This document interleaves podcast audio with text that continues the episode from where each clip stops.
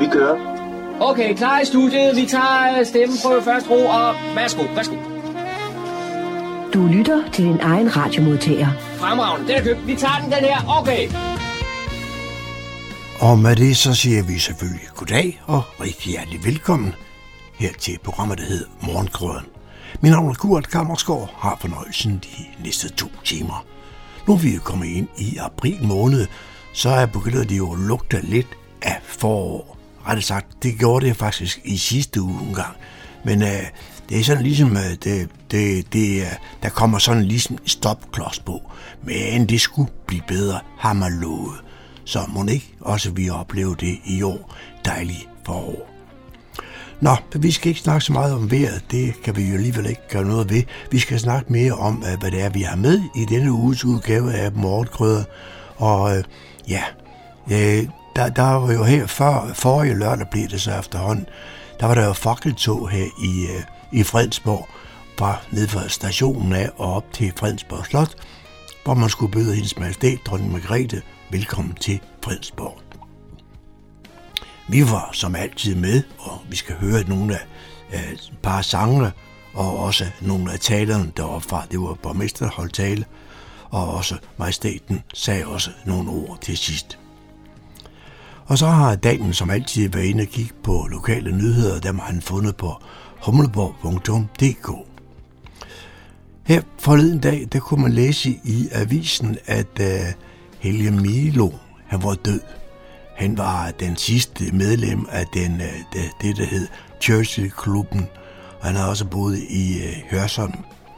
John Marco har her for nogle par år, eller 4-5 år siden efterhånden, uh, talt med ham om, øh, kan man sige, om øh, den tid at være med i den øh, gruppe, der hed Churchill-gruppen. Det, der var jo, foregik jo en, en frygtelig masse ting der lige i, kan man sige, i 1942, det var der, den blev dannet, Churchill-klubben. Den øh, var ikke aktiv ret lang tid, men uh, senere hen, så øh, blev han så også medlem af modstandsbevægelsen. Vi er jo her i april måned, der plejer vi jo altid sådan måske at tænke lidt tilbage, i hvert fald dem, der har så mange år på banen, de kan huske den 9. april øh, blandt andet. Så øh, derfor så bringer vi det indslag med Helge Milo, Milo som fortæller om øh, uh, Churchill-klubben. Vi har også noget fået nyt for vores bibliotek. Vi har haft besøg, og det hvor det bliver fortalt om, hvad der er af tilbud, og det er ikke små ting, skal jeg hilse at sige her, hvor det bliver forår. Og så skal vi også høre om lidt om, øh, hvilke af hvad man siger, farer man skal være opmærksom på her, øh, ude på nettet her i vores program, eller i vores indslag, det hedder Cybervejr. Så der er jo altid noget, der skal passes på, og det håber vi så på, at vi kan være med til at måske fortælle om i god tid. Som vi kan høre, der er der rigtig mange, mange indslag i dag, og det vil sige meget snak, så derfor så bliver det øh, begrænset, hvad vi når af musik, men vi får alligevel også musik. Men øh, velkommen til, rigtig god fornøjelse.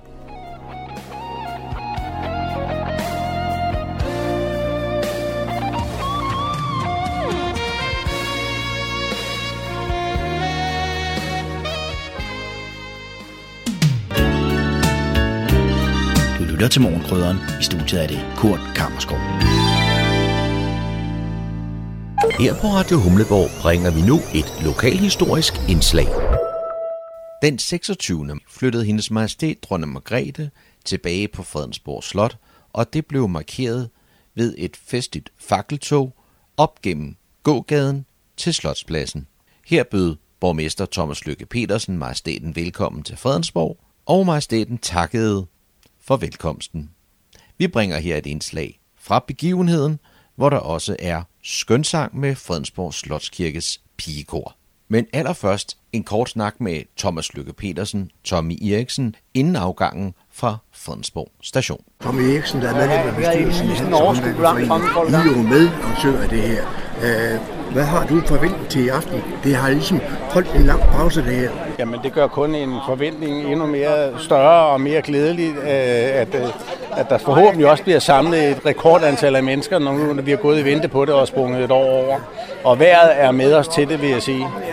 Du har jo, øh, du plejer at være dig, der skal sørge for, at uh, man kan komme igennem gågaden. Der er ikke nogen ude og sådan nogle ting. Ikke? Også, har du styr på det? Jamen, jeg har faktisk lige nøjagtigt været op og gå turen igennem gågaden og sikret mig, at der ikke er, er nogen ting, der kan, der, der kan generes på vejen op igennem gågaden. Nej. Der, der er en lille øh, vejarbejde, så lige kan man sige, efter gågaden, men det skulle ikke have noget, der har betydning, vel? Nej, jeg kan se, at den bredden er til, at øh, folk skal ikke snævre sig ret meget ind, øh, så, så det tror jeg ikke bliver noget problem. Jeg kan se, at du har, du har da i hvert fald følt, at det er forår. Du har ikke engang overtøj på, du har kun en jakke på. At, bliver det ikke for koldt på Nej, vi skal jo stille lidt pænt uniformeret op øh, i foreningen, som vi gør traditionelt sådan en dag, men jeg har selvfølgelig sørget for at have et lille sæt skiundertøj på indenunder. Nå, okay. Held og lykke med det. Ja, tak skal du have.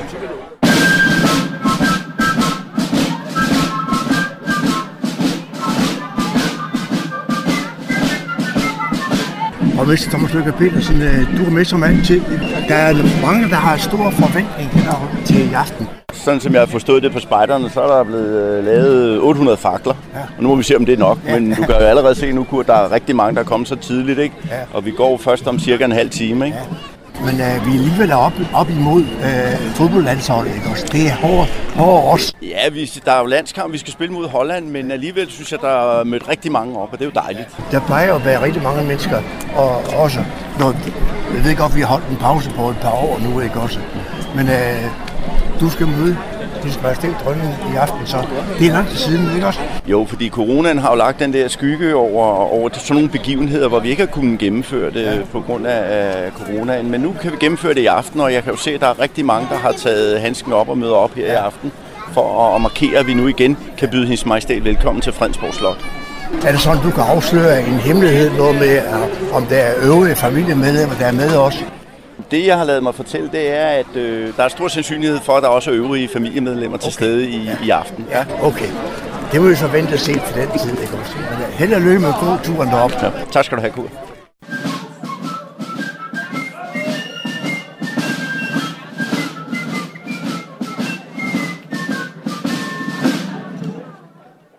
Deres majestæter, deres kongelige højhed.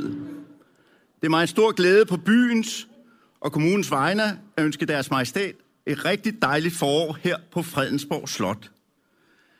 I Fredensborg glæder vi os altid til, til denne aften, for det er en aften, hvor vi i fællesskab både fejrer og holder en usædvanlig god og flot tradition i hævd. Det er en aften, hvor jeg tror, at alle oplever og nyder et helt særligt stemning af nærvær og fællesskab her i Slotsgården. Og det er en aften, hvor jeg tror, at vi alle mærker, Danmarks historiens tydelige vingesus, her mellem slottets tykke gamle mure. Og ja, det er gamle mure, vi har rundt om os. I år skal vi fejre slottets 300-års jubilæum, og dermed også Fredensborg bys jubilæum. Det er et jubilæum, vi vil fejre med maner. Det gør vi med en masse forskellige arrangementer over året, som ikke mindst vores mange aktive foreninger står bag. Og den 17. maj afholder vi det, som vi kalder Fredensborg-dagen. Den dag får vi også glæde af deres majestæts deltagelse, og tak for, at de vil komme og gøre dagen endnu mere festlig. På dagen kommer over 300 skolebørn fra alle kommunens 3. klasser her til slottet for at fejre 300-års jubilæet. Og børnene kommer især for at lykønske deres majestæt med deres 50-års jubilæum som regent. Og tillade mig hermed at være lidt hurtigere end ude end børnene og benytte denne særlige aften til på hele kommunens vegne at ønske deres majestæt et stort, stort tillykke med deres 50-års jubilæum som regent. Yes.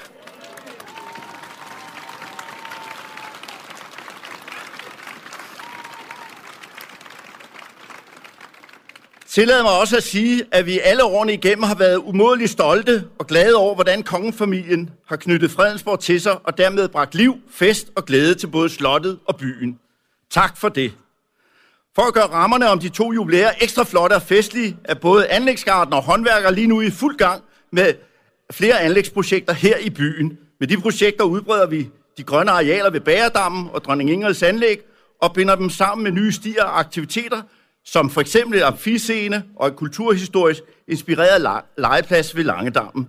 Der bliver også indrettet ishus og udstillingslokale i det tidligere restaurant under kronen. Ja, så der sker meget her i byen. Og arbejdet skal være færdigt i god tid inden Fredensborg-dagen den 17. maj, hvor vi officielt indviger det hele. Det bliver en flot og festlig dag, og alle er velkomne. Denne aften er så sandelig også flot og festlig. Det er fantastisk at se så mange mennesker samlet her på en lørdag aften. Og det er et tydeligt signal om, at vi nu igen kan mødes frit, uden coronaens skygge hviler over os. Det i sig selv er værd at fejre. Jeg foreslår, at vi nu på denne særlige og smukke aften udbringer Nifold i leve for hendes majestæt, dronning Margrethe. Hendes majestæt længe leve! Hurra! Hurra! Hurra! Hurra! Hurra! Hurra! Hurra! Hurra! Hurra! Tak for det. Nu vil Fredensborg Slotkirkes pigekor synge et hav, der vugger sig til ro. Værsgo til Slotkirkens pigekor. Et hav, der vugger sig til ro. nu.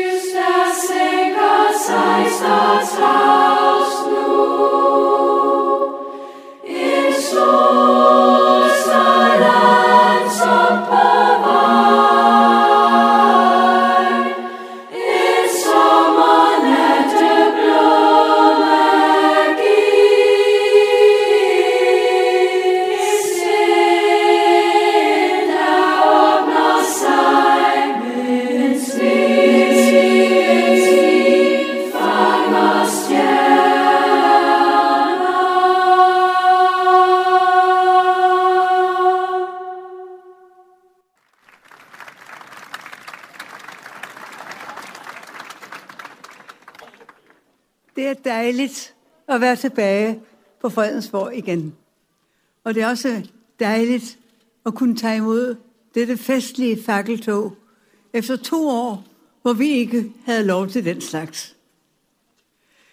Tak for de venlige ord fra borgmesteren. Jeg har, som de godt ved, glædet mig hele vinteren til at være tilbage på Fredensborg. Det gør også dagen helt speciel, at begge mine søstre, der ligesom jeg er vokset op her hvert forår og hvert efterår, kan være sammen med mig netop i aften. Og det gør dagen lidt ekstra speciel.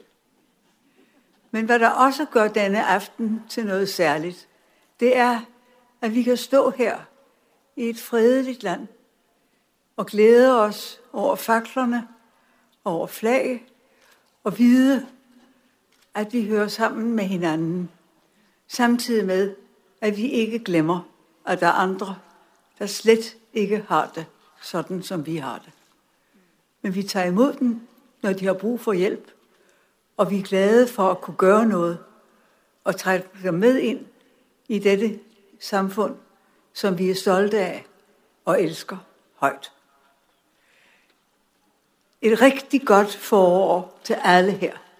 Til hele Fredensborg Kommune, by, til alle dele af kommunen, og til alle os, der har gået hele vinteren og glædet for os til, at nu skal det være forår igen.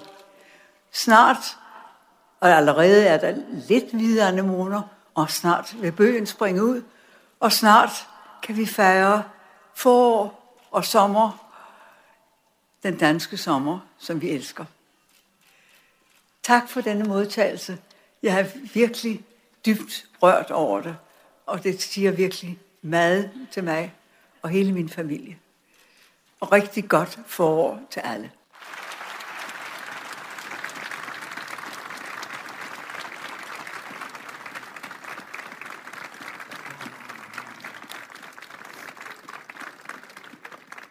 Mange tak for de fine ord fra deres majestæt, og jeg vil nu bede hele forsamlingen synge Der er et yndigt land med musikledsagelse af Fredensborg Byorkester.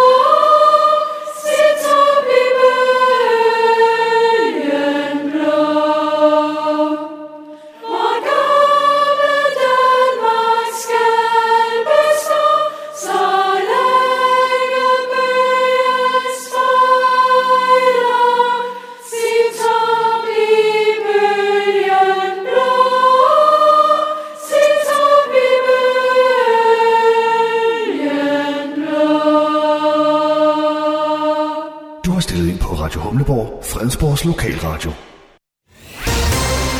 Så er det igen tid til lokale nyheder og kulturinformationer hentet fra humleborg.dk. Bag mikrofonen er det Daniel Jørgensen. På byrådsmødet i slutningen af marts måned besluttede byrådet at fastansætte Mie Gudmundsson i den direktørstilling, som hun har fungeret i som konstitueret direktør siden 1. december 2021. Centerchef Mie Gudmundsson blev konstitueret som direktør og har siden udfyldt sin rolle så godt, at byrådet besluttede at fastansætte hende i den ledige stilling. Her fortsætter hun med ansvaret for de tre centre, som dækker områderne ældre, sundhed, handicap, familie samt kultur og fritid. Mie Gudmundsen glæder sig over udnævnelsen til at få en fast plads i direktørkontoret. Hun er 47 år, bor i Allerød med sin mand og to børn, og oprindeligt uddannet kan med i dansk historie og kommunikation. Hun har været tidligere kommunikationschef i Gentofte Kommune, kommunikationschef i NF og pressekonsulent i DI. Og mere nyt fra Fredensborg Kommune. For kommunens unge opfordres til at rejse ud og blive klogere på sig selv og verdenen. Sidst i april måned uddeler Venskabsbyforum rejse- og studielegater på 10.000 kroner. Så er du under 25 år og har lyst til at rejse ud i Europa, ja, så har Fredensborg Kommunes Venskabsbyforum mulighed for at tilbyde et rejse- og studielegat. Legatet kan anvendes til at rejse til en af venskabsbyerne, som kommunen har. Der er seks at vælge imellem. Det er Håbo i Sverige, Ingå i Finland, Nittedal i Norge, Pejde i Estland, Softbury i England og Bad Berleburg i Tyskland. Fælles for venskabsbyerne er, at det er mindre byer, der ligger i naturskønne omgivelser med adgang til større metropoler. De unge har således rig mulighed for både at søge unikke lokale oplevelser i historie og smukke omgivelser, samt at de kan foretage udflugter til spændende storbyer med masser af puls. Ansøgning sendes til Center for Kultur, Fritid og Sundhed på adressen katn med frist den 15. april. Fredag den 8. april kl. 17 er der korkoncert på Nivogårds malerisamling. Det er Niveau Musiklavs Kor, der igen i år er med til at synge på Nivogårds malerisamling i den dejlige søjlesal. Repertoiret til koncerten er en dejlig blanding af sange primært inden for den rytmiske musik. Der vil være sange, som nok mange er bekendt med, Lyse Netter, Don't You Worry, Drive My Car, og også mindre kendte som I'm Ready for the Sun, Let It Rain og mange flere. Musiklavs kor har over 30 år på banen, men har formået at forny sig hen ad vejen, godt hjulpet på vej af skiftende fantastiske dirigenter. Korets nuværende dirigent er Jesper Holm. Han arbejder til daglig med at uddanne nye kordirigenter og er med til at udvikle nye metoder inden for kordirektion. Alt dette falder naturligt af til Niveau Musiklavs Kors fordel, hvor mange af de nye idéer bliver afprøvet og brugt, også når de synger koncert. Det var, hvad vi havde af lokale nyheder og kulturinformationer for denne gang. Læs disse og mange flere på humleborg.dk. Du lytter til morgenkrydderen. Jeg er taget til Kokkedal for at besøge Helge Milo. Helge, hvem er du? Ja, og jeg er lige omkring 88, og jeg er uddannet civilingeniør med skibsbygning som speciale, og har arbejdet med det i en årrække, indtil jeg, branchen som sådan, den stort set døde hen. Og øh, jeg, jeg måtte så finde på noget andet, og så kom jeg ind i konsulentbranchen, og til sidst så fik jeg mit eget firma. Og det gik så ned over hjem med et hul drøn i, i omkring, hvad hedder det, altså omkring 1900, og hvad var det, omkring 1980. Og det skyldes jo, at, at der var en udvikling i, i, i, i IT, som var hurtigere, end jeg kunne følge med. Som, så jeg måtte så finde for noget andet. Og så startede jeg et firma sammen med en, en kvindelig bekendt, som, som solgte øh, hvad hedder det, vikartimer inden for sundhedsvæsenet, sygeplejersker og jordmøder osv. osv. Og det fortsatte jeg med til, jeg stoppede som 75 år, så, så synes jeg ikke, jeg kunne klare det der mere. Men det var til gengæld en stor succes. Så jeg indhentede det, jeg tabte med på, på min konkurs.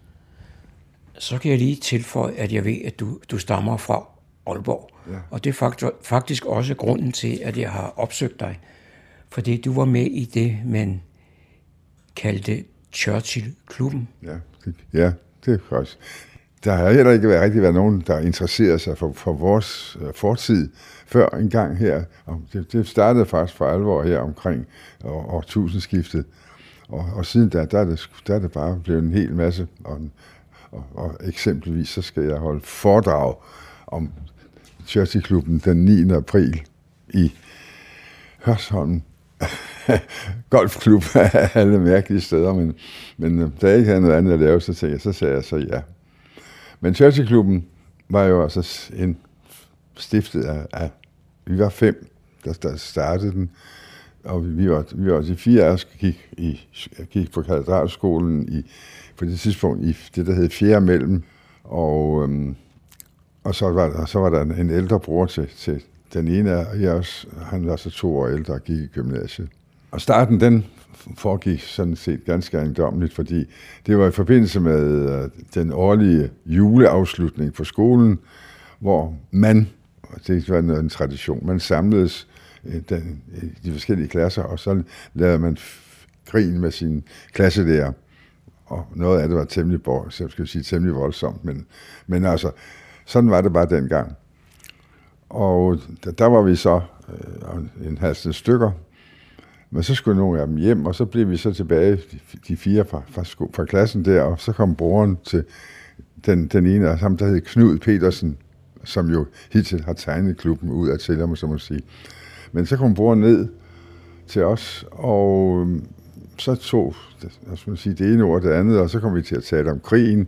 Og det, der, der ligesom var, var hovedemnet i det, det var, at vi var alle sammen vældig imponeret over nordmændene.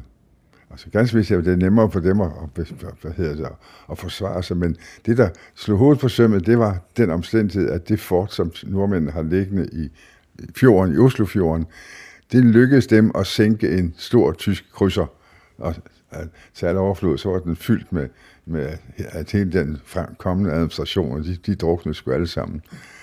Og det synes vi altså var, var helt fantastisk, når man nu tænker på, at i Danmark, der havde vi ikke mindre end tre forter, som lå ude i Øresund, og ikke en eneste af dem løsnedes bare som er med et enkelt skud. Måske skal vi lige sætte et årstal på denne juleafslutning. Ja, det var julen 1941. Og det er selvfølgelig specielt interessant set fra mit synspunkt, fordi vi blev den første organiserede modstandsgruppe i Danmark. Selvom vi var temmelig unge alle sammen. Jeg var den, jeg var den yngste af dem. Jeg var kun 15 år.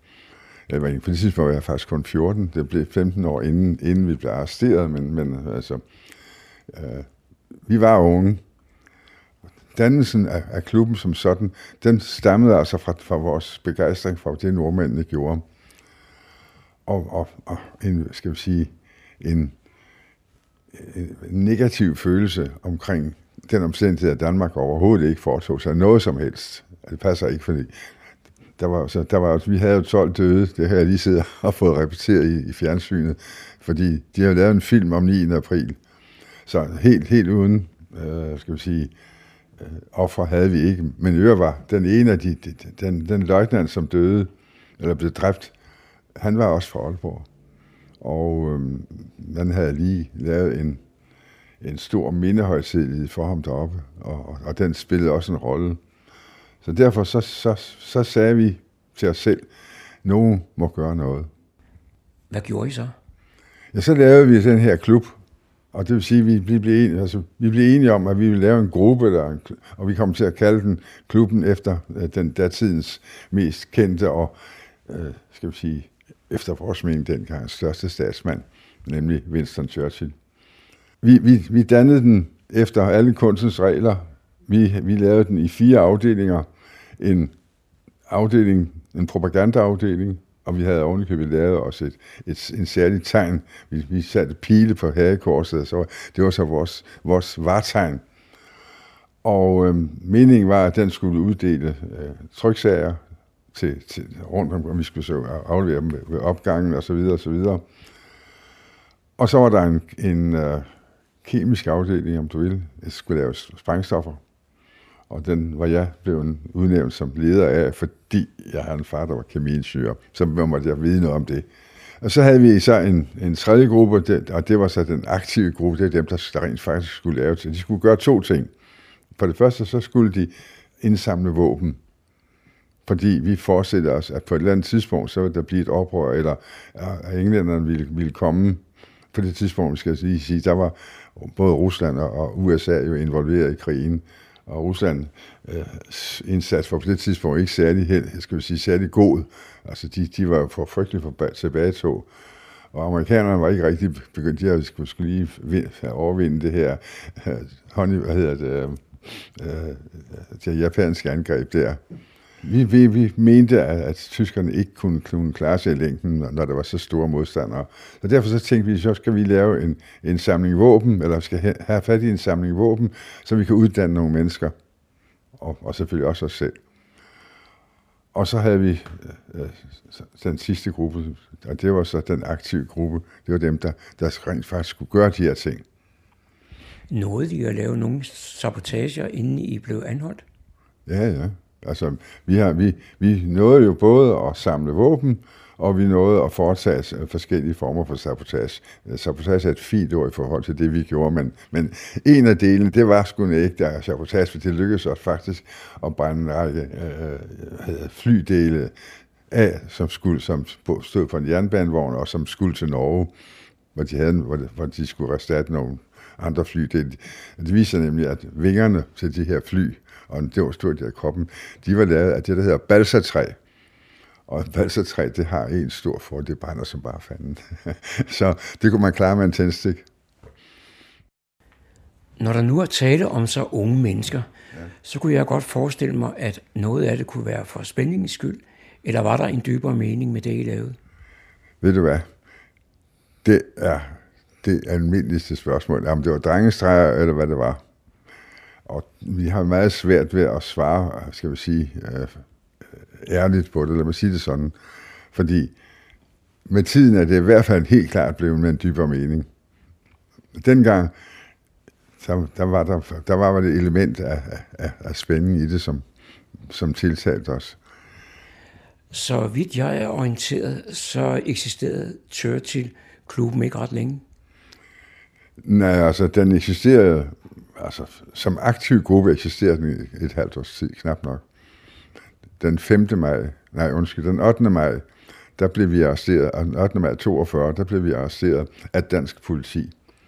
Da vi begyndte at, at, at, eller der tyskerne at, at opdagede, at de, de mistede våben, og der, der skete nogle øh, underlige øh, uheld, som siger, der, der, der var brænde, og der var, og, og der var andre ting, som gjorde, at de satte danskerne til at, at undersøge og finde ud af, hvem det var. Og på det tidspunkt, der var forholdet mellem Danmark og, og Tyskland jo nærmest betragtet som en, en, en faderlig, venlig stat, og, som beskyttede øh, den, øh, den øh, skal jeg sige, stakkels stat, som ikke kunne klare sig selv mod et forventet engelsk angreb. Og den, den, den holdning, den, det var især udpræget blandt øh, politikere, og den, den øh, hvad skal jeg sige, den var så ikke lige overensat med vores. Men det, det der var, var det, som jeg, mit point med det her, det er at sige, at tyskerne havde ikke kunne finde os. Men de danske politi, de kunne finde ud af, hvem vi var. De startede med på en eller anden måde at kunne, kunne konstatere, at vi vist nok måtte være børn af pæne forældre. De, de vidste godt, det var ganske unge mennesker. Og så, så sagde de, at jamen, så må det nok være fra katedralskolen i Aalborg.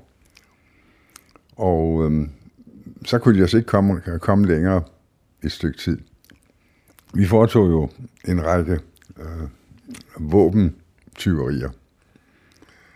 Vi havde faktisk tre, ja, vi havde faktisk fire, men det fjerde det er helt til grin. Men vi havde tre slags våben. Vi havde pistoler og rifler og en enkelt maskinpistol, som vi har fået fat i gennem tiden. Og, og den måde, vi fik pistolerne på, den var den, at vi, vi gik ind i hvad hedder det, to, specielt to konditorier i Danmark, øh, i Aalborg. Holle og Christine hed de. Og der tyskerne elskede at komme der. De tyske officerer, de kom der, og de, da det nu var et venligt sine land, så hængte de selvfølgelig deres våben fra sig i garderoben. Og der var ikke nogen øh, op, der var ingen vagt i garderoben, så det hang bare derude. Og så kom vi forbi, og, og det vidste jo godt. Så lykkedes det os faktisk at stjæle et, et, et ansat pistoler igennem tiden. Vi, vi øh, foretog også indbrud i nogle af de her barakker, som tyskerne havde, havde bygget for, for at de kunne have deres folk et sted. Og de var jo på, på øvelse om dagen, og også var de ude at gå, og hvad ved jeg. Det var i hvert fald, var der tomt. Og der var åbne vinduer, og det var bare lige at springe over et hegn og så ind. Og der, der kom vi, hvad hedder det, fik vi så organiseret et, et par rifler. Og vores triumf, hvis jeg må kalde det sådan, det var en dag, så var der en af, en af os, det var ikke mig, der, der var kommet ind. Og der så han så en maskinpistol.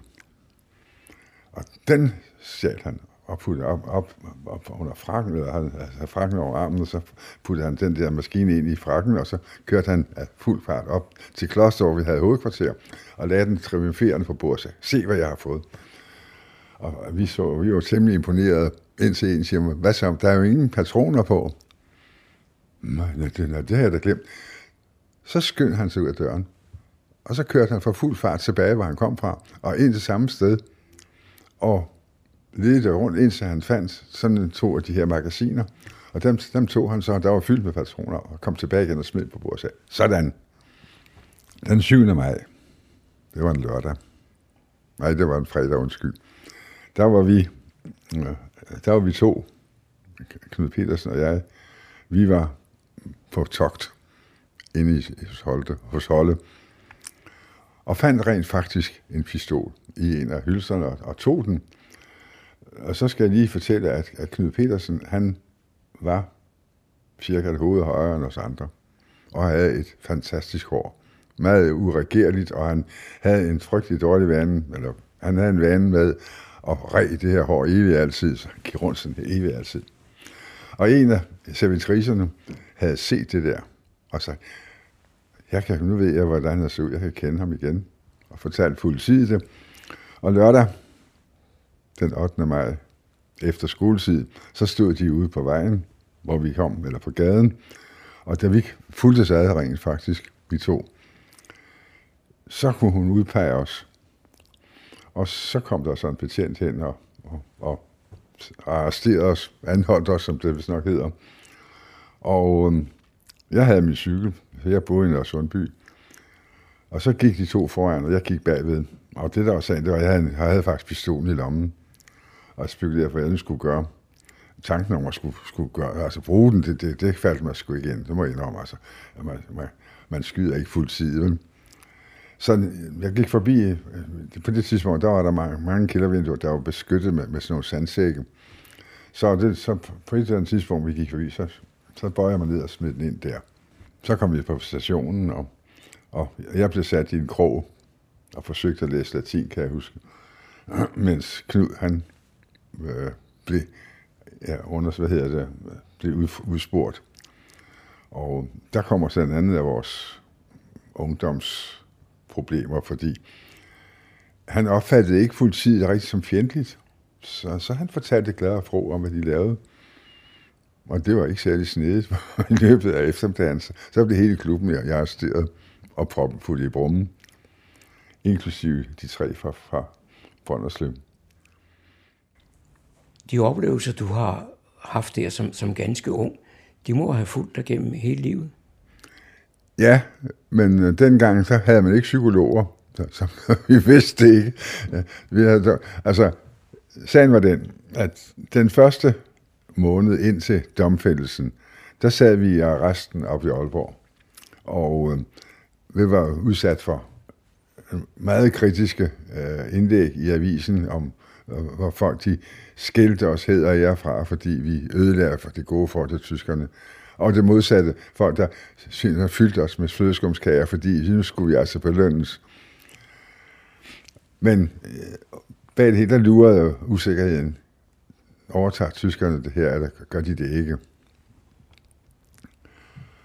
Og det blev så afklaret der en lille måneds tid efter, hvor vi blev, hvor, hvor vi, vi, vi kom til for retten, og ty, danskerne havde lavet en, en øh, transportabel, øh, øh, en slags, hvad, hvad, hvad, hvad man kalder de der, altså et politi, der, der, der rejser rejseholdet, ikke?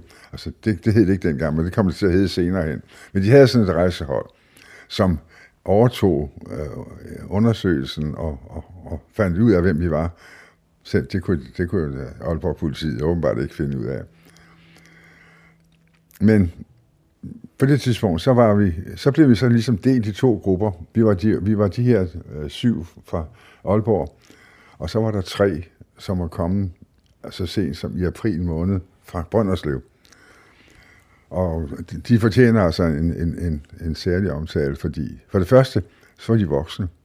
Den, den yngste var 19, og den ældste var 22, hvis jeg husker. Grunden til, at de kom med, det var fordi den ene af, af mine kammerater, altså, han var ivrig svæveflyver. Og det var den ene af de to, de tre deroppe også. Og de kendte sig hinanden, og så på et tidspunkt, så kan vi så snakke om det åbenbart. I hvert fald, så fik de at vide, at vi, de, de kunne godt blive medlem af Churchklubben, det ville de åbenbart gerne, men de, vi måtte have et bevis på, at, at, at de kan sige, mente det alvorligt. Og så kom de slæve med en kasse mortergranater, som de havde stjålet, med tre granater. Vi så absolut ikke kunne bruge til noget som helst, men det var fuldstændig ligegyldigt i efter, fordi det, det handlede om, det var, når de havde stjålet dem, så vidste vi altså, at de, de var seriøse. Ikke? Men vi nåede ikke, de nåede ikke så meget, øh, inden vi blev taget. Øh, de, øh, de havde et godt øje til flyvepladsen og, og, og var myslet rundt der omkring. Flyvepladsen lå i Lindholm. Men de, de lykkedes ikke rigtig at, at, at få gjort noget. Eller for, for, altså. Da så dommen den faldt, så var det kun os syv, der blev dømt for henholdsvis halvandet år til mig, og så op til tre år til, til, til ham, der fik mest. Ja, de to, der fik mest. De tre fra Brønderslev, de blev holdt tilbage, fordi tyskerne havde ikke på det tidspunkt været helt øh, opgivet fuldstændig og, og straffe dem, fordi de var jo voksne. Og så kommer der, der det, det kedelige kapitel af, af vores, eller det sørgelige kapitel, om du vil. De to brødre var de, det hedder Øret Holberg. De havde en yngre bror, og det lykkedes ham, det lykkedes dem at få ham overtaget til at tage en nedstryger med. Og øhm, så lykkedes det dem på en eller anden måde at få skår, eller få savet den en af træmmerne over, så de kunne komme ud af vinduet. Og, øhm, og så en aften, og det var så lige omkring det tidspunkt, hvor vi, hvor vi andre blev dømt. Om det var lige før eller lige efter, det kan jeg sgu ikke huske. Men, men øh, anyway, i hvert fald. De, de, de kom ud af fængslet, og deres målsætning var at, at, at, at tage til flyvepladsen og stjæle fly og rejse til England. Men de kunne selvfølgelig ikke komme ind, fordi der var, der var befæstet og gjort ved og vagter, så det, det var ikke til at gøre. Så, så, så i stedet for, så, så tog de hjem. og Det, vil sige, det, de gjorde, det var, de tog, den ene af dem havde familie i, i Hasseris. Og på vejen, så tog de lige en, en tysk lastbil og kørte den i havnen. Og så tog de og drak kaffe, og så, så tog de tilbage til fængslet og lærte sig der. Det gentog sig indtil flere gange, og politiet, der senere han fået at vide, de var mildestalt forfærdet, for nu var der åbenbart kommet en, en klub til. Men så kom uheldet, så blev der luftalarm, en dag de, var, de sad der og drak kaffe. Og så vidste de godt, nu skulle de tilbage til fængslet, det skulle gå stærkt. Ellers så ville arrestforvarende opdage, at de manglede. Og så blev de stoppet af en politibetjent, så forlangte at se deres legitimation. Det havde de selvfølgelig ikke, for den var jo blevet, blevet konfiskeret. Og så tog han dem med fra stationen, og så, genkendt, så blev de genkendt, og så blev det jo afklaret, at det var dem, der stod bag ved de her biler, der var kørt i havnen. For det var hver gang, de var ude, så, så kørte de en bil i havnen, som rent principielt. Men så havde tyskerne fået nok. Så overtog de retten, retssagen mod de tre, og det endte med, at de fik omkring 20 års fængsel ved at afzone i Håndborg. De kom ikke i koncentrationslejre. Vi var stadigvæk den her venligsindede stat. Så vi kom i fængsel i, i, i Hamburg og skulle afzone de der mange år der. Og der var så en, en særdeles ubehagelig ting ved det, nemlig fordi hver gang, at der var luftalarm eller luftangreb i Hamburg, englænderne bombede ned, så dagen efter, så var de tyske øh, fangevogtere, fængselsbetjente, eller så sure, så, de, så tævede de de her tre. Ganske enkelt. De fik skrækkeligt med skø. Og det, det gentog sig i et halvt år. Jeg ved ikke, hvor mange gange det, det der, her, de der angreb var der, men, men altså, fængselsmænd fik lov til det der, og så der var ikke nogen, der, der stoppede det. Men så gik det hverken værre eller bedre, altså det har været en gang i oktober måned, tror jeg, så øh, kom det et luftangreb, og det ramte, der ramte en af bomberne faktisk fængslet. Og dermed så var en stor del af fængslet ubrugeligt. Og så fandt man så ud af, at så kunne de der tre danskere, de kunne komme tilbage til, til Danmark, de kunne komme til Horsens, fordi der var blevet oprettet en afdeling for, hvad hedder det, for øh, frihedskæmpere. Og så blev de kommet derop. Og det var jo noget af en forbedring. Men det gik længere nu, fordi et par måneder efter, så angreb frihedsbevægelsen rent faktisk fængslet og befriede alle de der politiske fanger og smed dem afsted til, til Sverige. Så de kom derover og blev medlem af, af den der brigade, som, som danskerne havde derovre. Men deres liv var blevet ødelagt. Godt og grund. Den ene, han begik selvmord ganske få år efter. Han kunne ikke, han kunne ikke klare det. Den anden, han var bare psykisk ødelagt og, og, og levede et forfærdeligt liv, jamen, hvor han, han kunne hverken privat eller for, for arbejdsmæssigt eller noget som helst klare sig. Og den tredje, han udvandrede til Kanada, og, og der blev han indtil han for, nogle, for ikke så forfærdeligt mange år siden kom tilbage, fordi hvad det, forholdene i Kanada for pensionister var ikke så spændende, som de var her. Men han døde så ganske kort tid efter, han kom hjem. Men øh, det var den, den sørgelige del af vores, hvad skal vi kalde det for, vores, vores indsats. Med det, du har fortalt mig indtil nu, der har du ikke selv været udsat for de meget voldsomme ting. Men det må alligevel have påvirket dit liv. Jamen, det gjorde det sådan set jo også. Altså, der skal jeg så sige, for, for nu skal jeg næsten have det hele i, i, i rækkefølge. Jeg var den første, der kom ud, og, og, og, og altså, når jeg skal gå endnu længere tilbage, sige, vi startede med, med altså, seks ugers isolationsfængsel i Nyborg. Og isolation, det er som, som det også er i dag, man må ikke snakke med nogen andet end fængselsbetjentene. Og det påvirker os stort set. Det var temmelig, temmelig forfærdeligt. Ikke fordi vi var ikke klar over det, men, men øh, der var nogle, der, nogle af mine kammerater, de gik simpelthen amok, de kunne ikke, de kunne slet ikke klare det.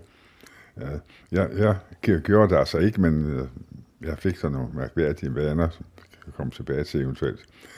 Men så skete det, at øh, på, på, i fængslet, der havde de ansat to kantmager, fordi alle fanger under 21 eller øh, jeg kan ikke præcis, hvad det år det var, men alle fanger under en bestemt alder, de skulle have tvungen undervisning. Og det skulle vi selvfølgelig også. Men den ene af dem, navnlig, hans navn, det fortjener at blive nævnt, han hed Hugo Vorså Petersen. Og han tog sig, han tog, kan man sige, sig så kærlig også. Han sørgede for, at vi, vi fik undervisning, og han fik, vi fik faktisk lov til at blive undervist i første G's pensum, som han påtog sig. Og vi, og vi fik lov til at sidde fælles i, i et klasseværelse, var der en, om du vil, en stor celle. Og der, dermed så var isolationen jo brudt, og, og vi fik helt, helt andre, hvad skal vi sige, øh, forhold. Og, altså, det var ikke, altså fysisk var det ikke så stor forhold, men det omstændighed, at vi lige pludselig kunne snakke sammen, og, og vi havde en mand, der, der ikke betragter os som almindelige fanger. Det, det, det betød meget for vores selvfølelse. Så vidt jeg ved, så er der også nogle af jer fra Churchill-klubben, der senere hen kom ind i den egentlige modstandsbevægelse. Ja, det var vi jo stort set alle sammen. Øhm, så jeg kan kun udtale mig om mig selv, og så en af mine, eller min bedste ven, Eichel Foxberg, som han hedder, eller hed, for han er selvfølgelig død også. Øhm, vi kom begge to i, i modstandsbevægelsen. Den nordjyske sådan. Og øhm, vi fik lov til at, at, at lave simple ting. Transportere, øh, hedder det, ja, det var primært, hvad det skulle tryksere vi, altså de forskellige frit Danmark og det der, som vi skulle transportere rundt. Vi fik ikke lov til at deltage i, i egentlige sabotager, og det var så ud fra et eller andet synspunkt om, at vi var kendt af politiet i forvejen, eller af tyskerne i forvejen, så det, det, det fik vi ikke lov til. Men på en eller anden måde, så, så fandt de sgu nok ud af det, fandt de ud af det alligevel, for i januar 45, så blev min meget gode venner, meget gode ven, Agil, han blev arresteret. Og det foregik på den øh, skrækkelige måde, at øh, han havde et værelse på, på, hvad kan det være, tredje sal eller sådan lignende, og hans forældre boede på første sal. Og, og der, så en aften, så kom tyskerne møvende op ad trappen, og da han hørte det, så sprang han ud af vinduet. Og det var ikke særlig øh, snedigt. På en måde var det alligevel snedigt, fordi, men han kom selvfølgelig galt afsted og brækkede øh, det ene ben voldsomt. Og så var, så var hans held jo, at tyskerne smed ham på, på lazaret. Og der var så to østrigske læger der, der, der behandlede ham, og de gjorde sgu en masse ud af det, så de fik ham næsten repareret. Og samtidig så blev han liggende, fordi altså, ellers skulle han have været i Tyskland, men nu blev han liggende deroppe, og så kom jo så 5. maj, og så slap han med skrækken. Jeg gik under jorden, fordi jeg, jeg fik det at vide af hans forældre, at, at nu var den gal. Så jeg, øh, jeg gik så under jorden og var der væk i, i 6-8 uger eller sådan lignende. Og så kommer vi så til, til det, du spurgte om, nemlig hvad med, hvad med, med hvad skal vi sige, uddannelsen. Jeg kom som sagt ind i, i 2G, så det vil sige, jeg fik lov til at, at tage min, min mellemskoleeksamen, man skal kalde det det, og, og, og, og, og så fortsatte, og så fik jeg for hele første G øh, i, i øh, fængslet, og jeg kunne sgu da ikke ret meget til det, det kan da godt sige, men altså faktum var, at jeg fik lov at komme ind, og så blev jeg sat ind i 2G i, i Aalborg, øh, Aalborg Katedralskolen. Og jeg fik min studentereksamen i 1945, efter, som jeg skulle have haft, men det var jo altså helt til grin. Altså, jeg, jeg kunne jo ikke rigtig noget, men øh, det, det blev bare losset igennem, der skulle have den eksamen, synes man. Og ikke nok med det, men så jeg ville så gerne, øh, det var navnet min far, der gerne ville, at jeg skulle blive civilingeniør. så, så jeg søgte jo ind på, på, på, på hvad hedder det, det, der hedder DTU i dag. Ikke? Der fik jeg, altså, der, der, på det tidspunkt, der krævedes det noget, der hed, jeg ved ikke, det var, det var sgu noget med, med lidt over syv, man skulle have for, for at komme ind. Og det havde jeg ikke. Jeg havde, jeg havde 6,1 et eller andet. Men det, det, tog man, det tog man stort på. Jeg kom ind på, på skolen, og det gjorde min gode ven Algel også. Han søgte nemlig også at blive civilingeniør. Men så, så faldt fars hammer jo, fordi vi kunne jo ikke, for det første kunne vi ikke det, der, der skulle til, og for det andet, så, så kom der eftervirkninger efter fængselsophold, der gjorde, vi, vi kunne simpelthen ikke sidde stille. Jeg kan huske, at jeg fik en helvedes hus med mine forældre, fordi jeg aldrig kunne sidde ned stille og roligt. Jeg gik op og ned af, af, af stuen, og det øh, skal vi generede dem temmelig voldsomt. Og ingen af os fattede, hvad det var. Altså, der var som sagt ikke nogen psykologer dengang, så øh, forbindelsen, den, den kunne man ligesom ikke rigtig bygge op. Så jeg gennemførte studiet, men med to års forsinkelse. Da vi startede vores lille samtale her, der var du inde på, at det først var nu her for en 10-15 år siden, at man ude fra samfundet begyndte at interessere sig for det, I ja. lavede. Men jeg går vel også ud fra, at I selv holdt en lidt lav profil. Ja, det gjorde vi. Altså, øh, jeg vil sige på den måde, at vi, vi kom, jeg tror, vi, kom, vi var samlet én gang, en gang i 60'erne, hvor vi var samlet alle sammen. Ellers så, så levede vi hver sit liv. Vi var, vi, vi var jo forskellige, ikke? Og der var, der var nogen, der boede i provinsen, og der var øh, en, som var meget stærkt venstreorienteret, og så var der nogle andre, inklusive mig selv, der var mere, hvad skal vi sige, højreorienteret, og, og, og så, så blev det nemt, til vi kom derop og skændes. så derfor så sås vi ikke ret meget. Men det er klart, at da vi så kom op i nærheden af, eller kom op over pensionsalderen og sådan noget, så begyndte det alligevel at, at, at, at komme sammen igen for alvor. Og samtidig så kom jo så interessen udefra. Altså det startede jo for så vidt med den her forfærdelige film, øh, Drengene fra St. Petri, som jo bestemt ikke var af vores øh, yndlingsfilm, det vil jeg gerne sige. Den var, det, altså, vi synes, det var, altså, de gjorde totalt grin med os. Og det, vi havde virkelig svært ved at, at, at tage, det var slutscenen, hvor de hvor drengene sidder i, i bussen til, til fængslet og synger. Sådan var virkeligheden ikke. Vi var hunde, ræve, angst for om bussen nu drejede til venstre af Lillebæltsbroen, eller den kørte videre sydpå. Og først, da den, da den drejede til venstre, så åndede vi lidt op. Vi vidste faktisk ikke på det tidspunkt, om vi skulle ind i Tyskland eller ej. Det havde man ikke fortalt os. Det var John Marco, der havde produceret dette indslag. Du lytter til Radio Humleborg, din lokalradio i Fredensborg og omegn. Og nu bringer vi seneste nyt fra Fredensborg Bibliotekerne. I dag er vi taget på Humlebæk Bibliotek, og øh, det er fordi, jeg skal snakke med Julie Persson, der arbejder her på biblioteket, og tak fordi jeg måtte øh, kigge forbi, Julie. Jamen altid. Det er da bare hyggeligt at få gæster. Og Julie, vi skal jo snakke om, hvad I øh, på biblioteket har i den kommende tid, og allerede her mandag den 4. april, der øh, foregår der noget på Fredensborg Bibliotek, du skal fortælle lytterne lidt om. Ja, det er en samtalesalon, øhm, og det er noget, vi har kørt med stor succes, øh, særligt i niveau, og nu er vi begyndt at prøve det lidt af øh, på Fredensborg også. Øhm, og emnet er mesterlærer. Øh, og en samtalesalon, det er ligesom en, en faciliteret samtale, hvor der er nogle værter, der sørger for nogle rammer og nogle spørgsmål og nogle øh, grupperinger undervejs, så man ligesom skifter samtalepartner. Øhm, så man kan trykke møde op øh, alene eller sammen med nogen, og så bliver man ligesom øh, teamet op med forskellige undervejs og får ligesom nogle spørgsmål i hånden, som der er tænkt over. Så det er en god måde at få trænet sit, øh, sit, sin argumentationsrækker, men også sin, øh, sin lytteevne. Ja. Og emnet øh, den 4. april, hvad er det? Ja, det er mesterlærer. Øh, så det er jo om, har man følt sig som en nybegynder, hvem tog ind i hånden, hvornår har man haft gode, mindre gode oplevelser øh, inden for det at skulle læres op. Øh, hvad kan mesterlærer øh, begrebet i det hele taget? Det er sådan nogle ting, det vi dykke ned i. Og det er et gratis tilbud, skal jeg også sige, man, og man bør ikke tilmelde sig, man møder bare op.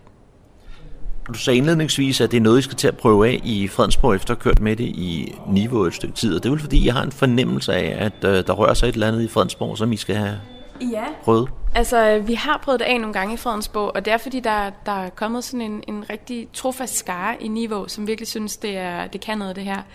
Mm. Øh, og det ved vi jo, det, de gemmer sig jo også i Humlebæk og Fredensborg. Så nu, nu øh, rykker vi det første gang videre til Fredensborg. Og man er selvfølgelig meget velkommen stadig til at komme, selvom man øh, plejer at komme i niveau. Det er åbent for alle. Ja. Og fik du nævnt tidspunktet? Det ved jeg ikke, om jeg gjorde, men det er klokken 17. 17 til 19. Ja. Tirsdag den øh, 5. april, der har I et livestreams arrangement i Niveau. Det må du også sætte lidt ord på. Ja. Øhm, det er øh, også klokken 17, øh, og det er en klassisk koncert med bandet, der hedder Kind of øh, Kajan. Og det er en livestreamet øh, koncert, som bliver sendt fra det Kongelige Bibliotek inde i København. Øhm, og det er tredje gang, vi egentlig øh, afholder det her. Øhm, og Kind of Kajan, de, øh, det er tre øh, kvinder. Øh, og den her gang, der skal de ud i en, øh, jeg skal se om jeg kan sige navnet, Dimitri Shostakovich 15. symfoni. Øh, og det er en, øh, det, den er lavet til klavertrio og fire slagtøjsspillere. Øhm, og det er et arrangement, der er støttet af Augustinus-fonden og Statens øh, Kunstfond. Og det er livestreamet inden for øh, den sorte diamant, er det ikke sådan? Lige præcis, jo. Så øhm, vi indretter et område niveau, hvor vi sørger for, at der er god lyd og, øhm, og billede igennem, så man ligesom næsten får oplevelsen af at sidde inde på diamanten. Og så den øh, 5. april, der har I et øh, arrangement kl. 19, Garderobeskolen, og det tror jeg lige, du skal fortælle lidt om, hvad, hvad det er, fordi det ja. synes jeg ikke, jeg har stødt på tidligere. Nej, det er også første gang, øh, vi har øh, hende ude. Hun hedder Laura Lava, kalder hun sig. Øhm, og det er et foredrag om at genopdage sin garderobe og flytte fokus fra forbrug til brug af det, man har. Så det er jo en del af hele den her bæredygtighedstankegang, og i stedet for bare at smide ud og købe nyt, så, så får man ligesom brugt det, man har på nye måder. Øhm, så øhm, hun er uddannet designer og stylist, og kalder sig så også garderobeekspert. Øh, så øh, man vil få øhm, øh, inspiration og fif til at, øh, at bygge videre på sin egen stil, og, øh, og planlægge nye køb, så man simpelthen bare investerer i det, man mangler, og ikke for meget af det. Øhm, og så øh, øh, får man også en garderobe-challenge med hjem, hvad det så indebærer. Øhm, så det er, det er sådan en sjov lille øjenåbner til, hvordan man kan øh, bruge sit tøj på en anden måde torsdag den 7. april, der har I et andet arrangement i øh, Fredensborg, og det er ikke sådan lige direkte på biblioteket, eller hvordan hænger det sammen?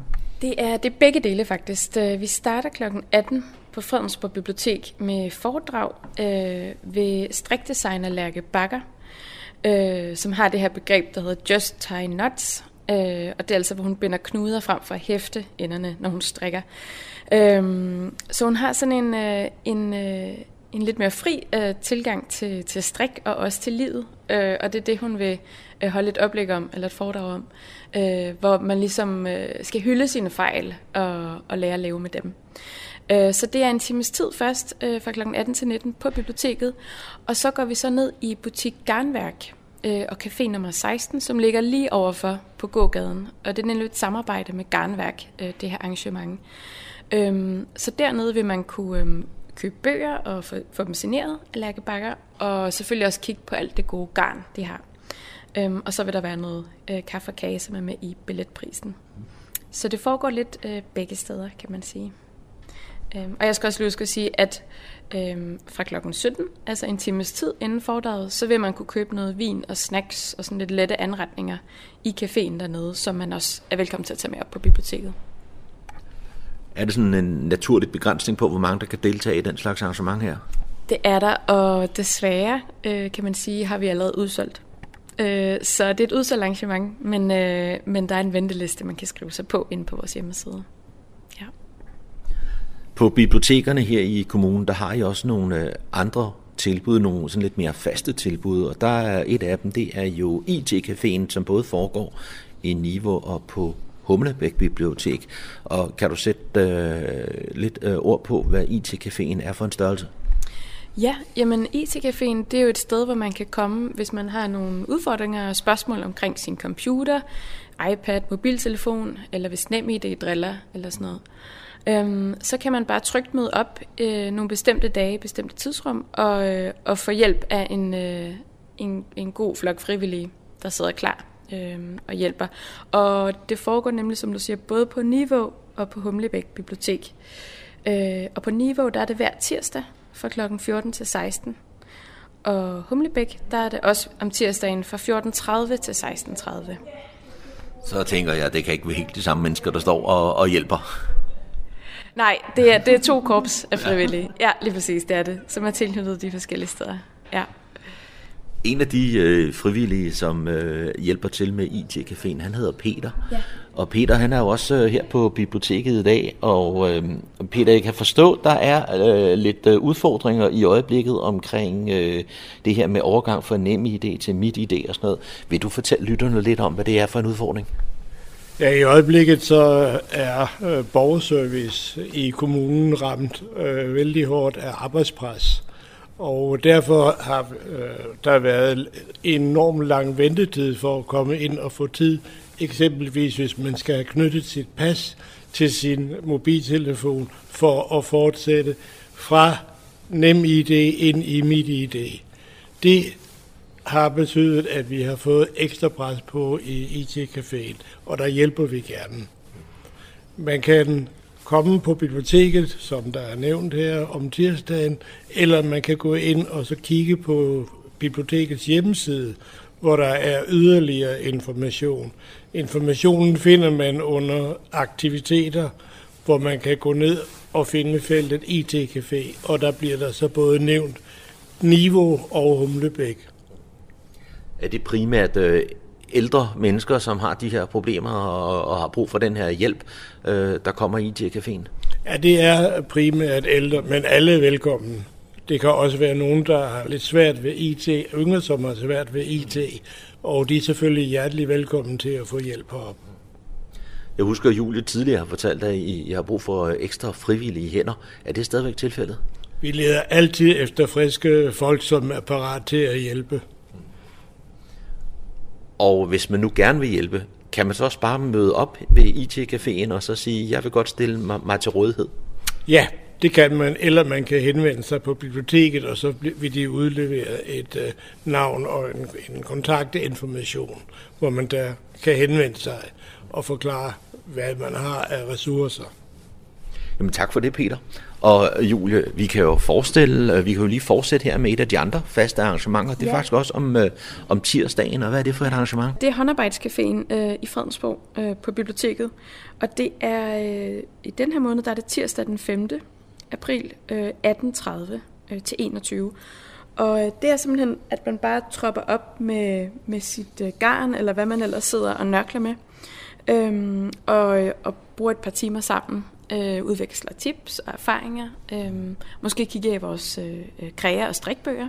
Øhm, det er nemlig lige et bord lige op af de bøger, at øh, de holder til ved.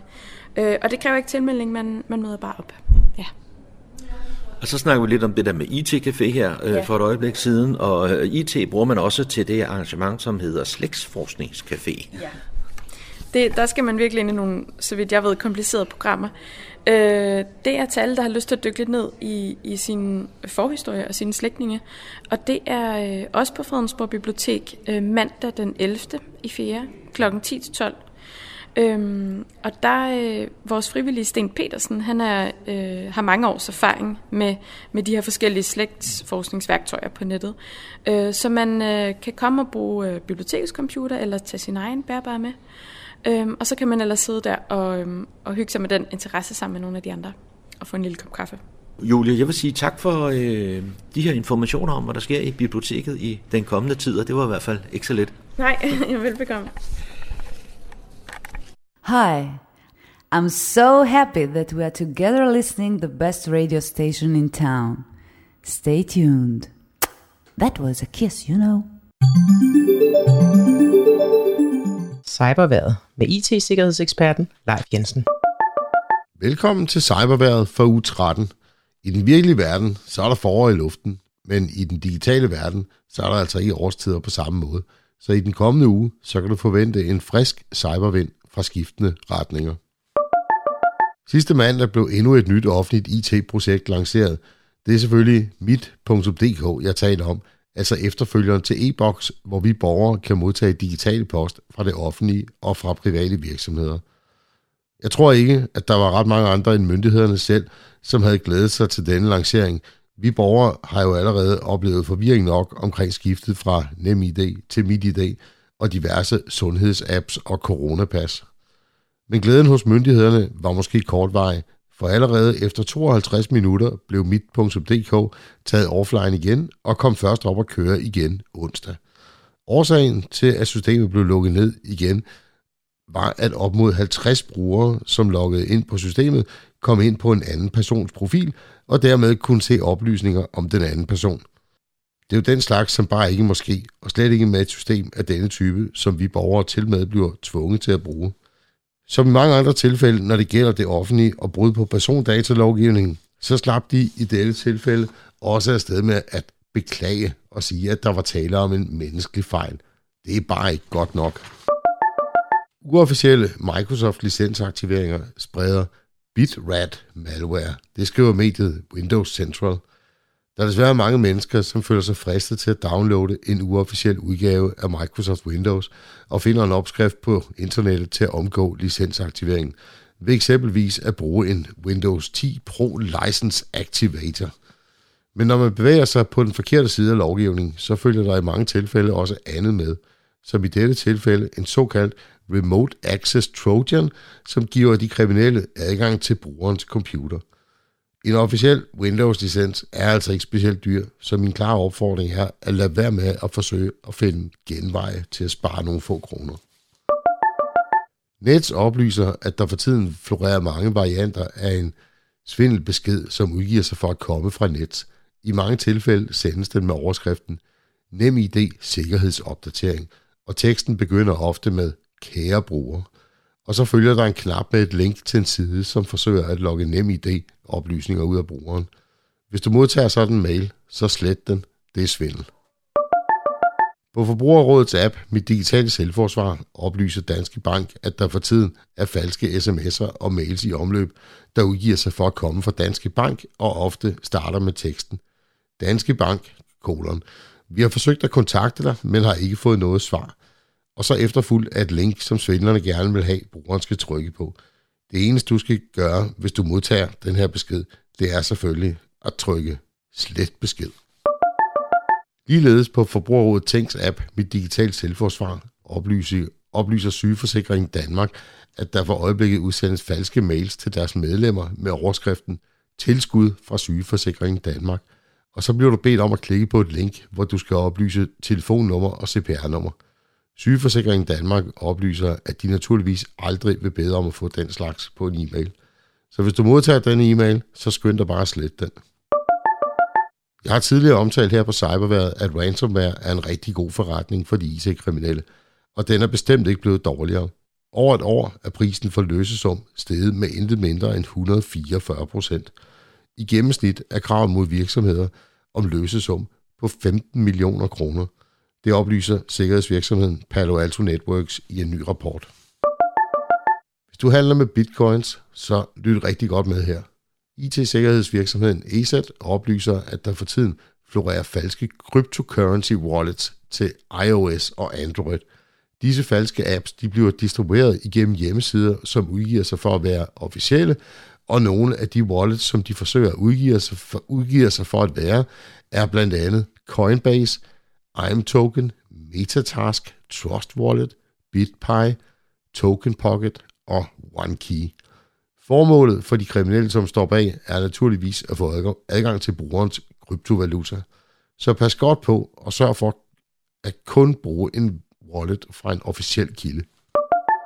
Det var cyberværet for denne gang. Vi er tilbage igen med en ny cyberværetudsigt igen næste uge. Tusind tak, fordi du lyttede med.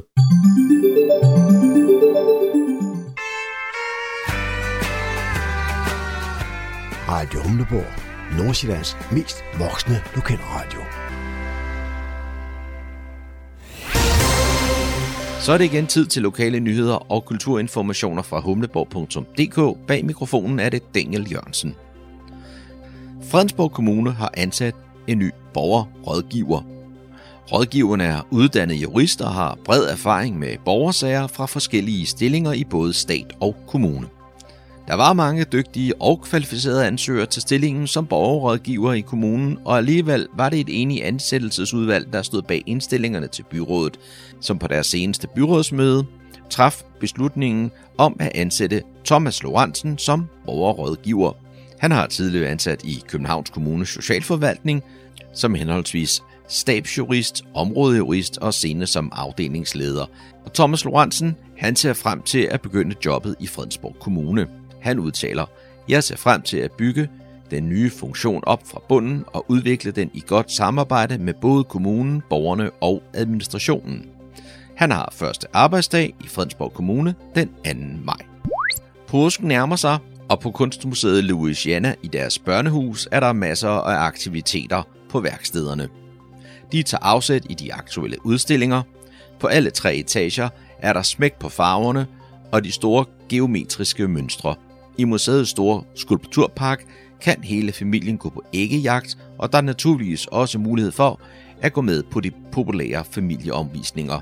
Børn og unge under 18 år har fri entré til Louisiana, og børnehuset og alle værksteder og aktiviteter er gratis.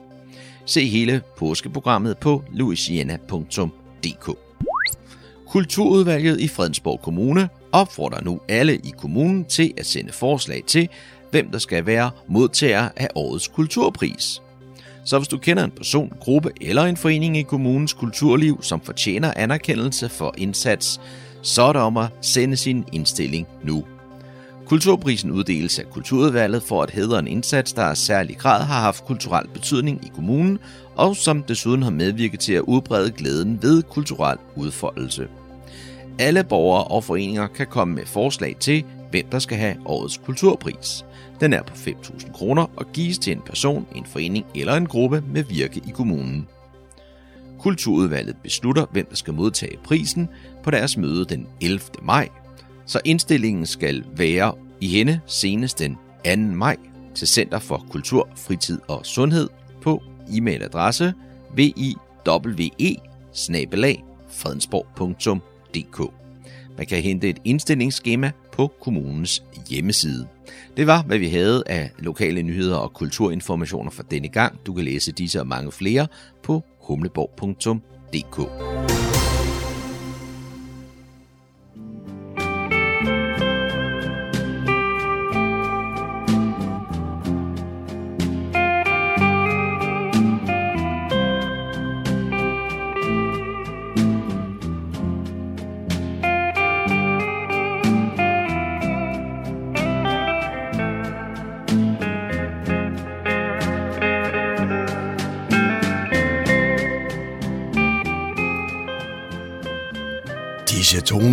fortæller os, at vi er nået til afslutningen på denne uges udgave af programmet, der hedder Morgenkrøden.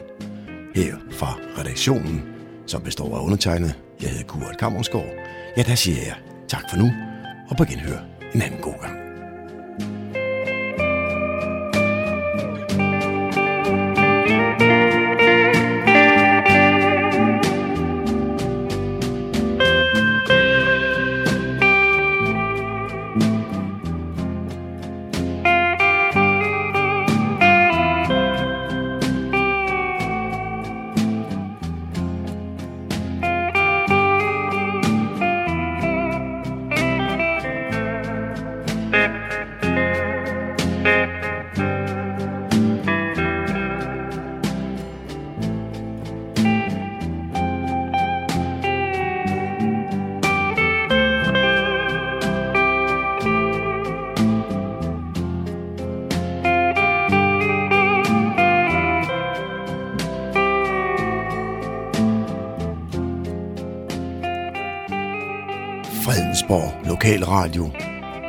Radio Humleborg.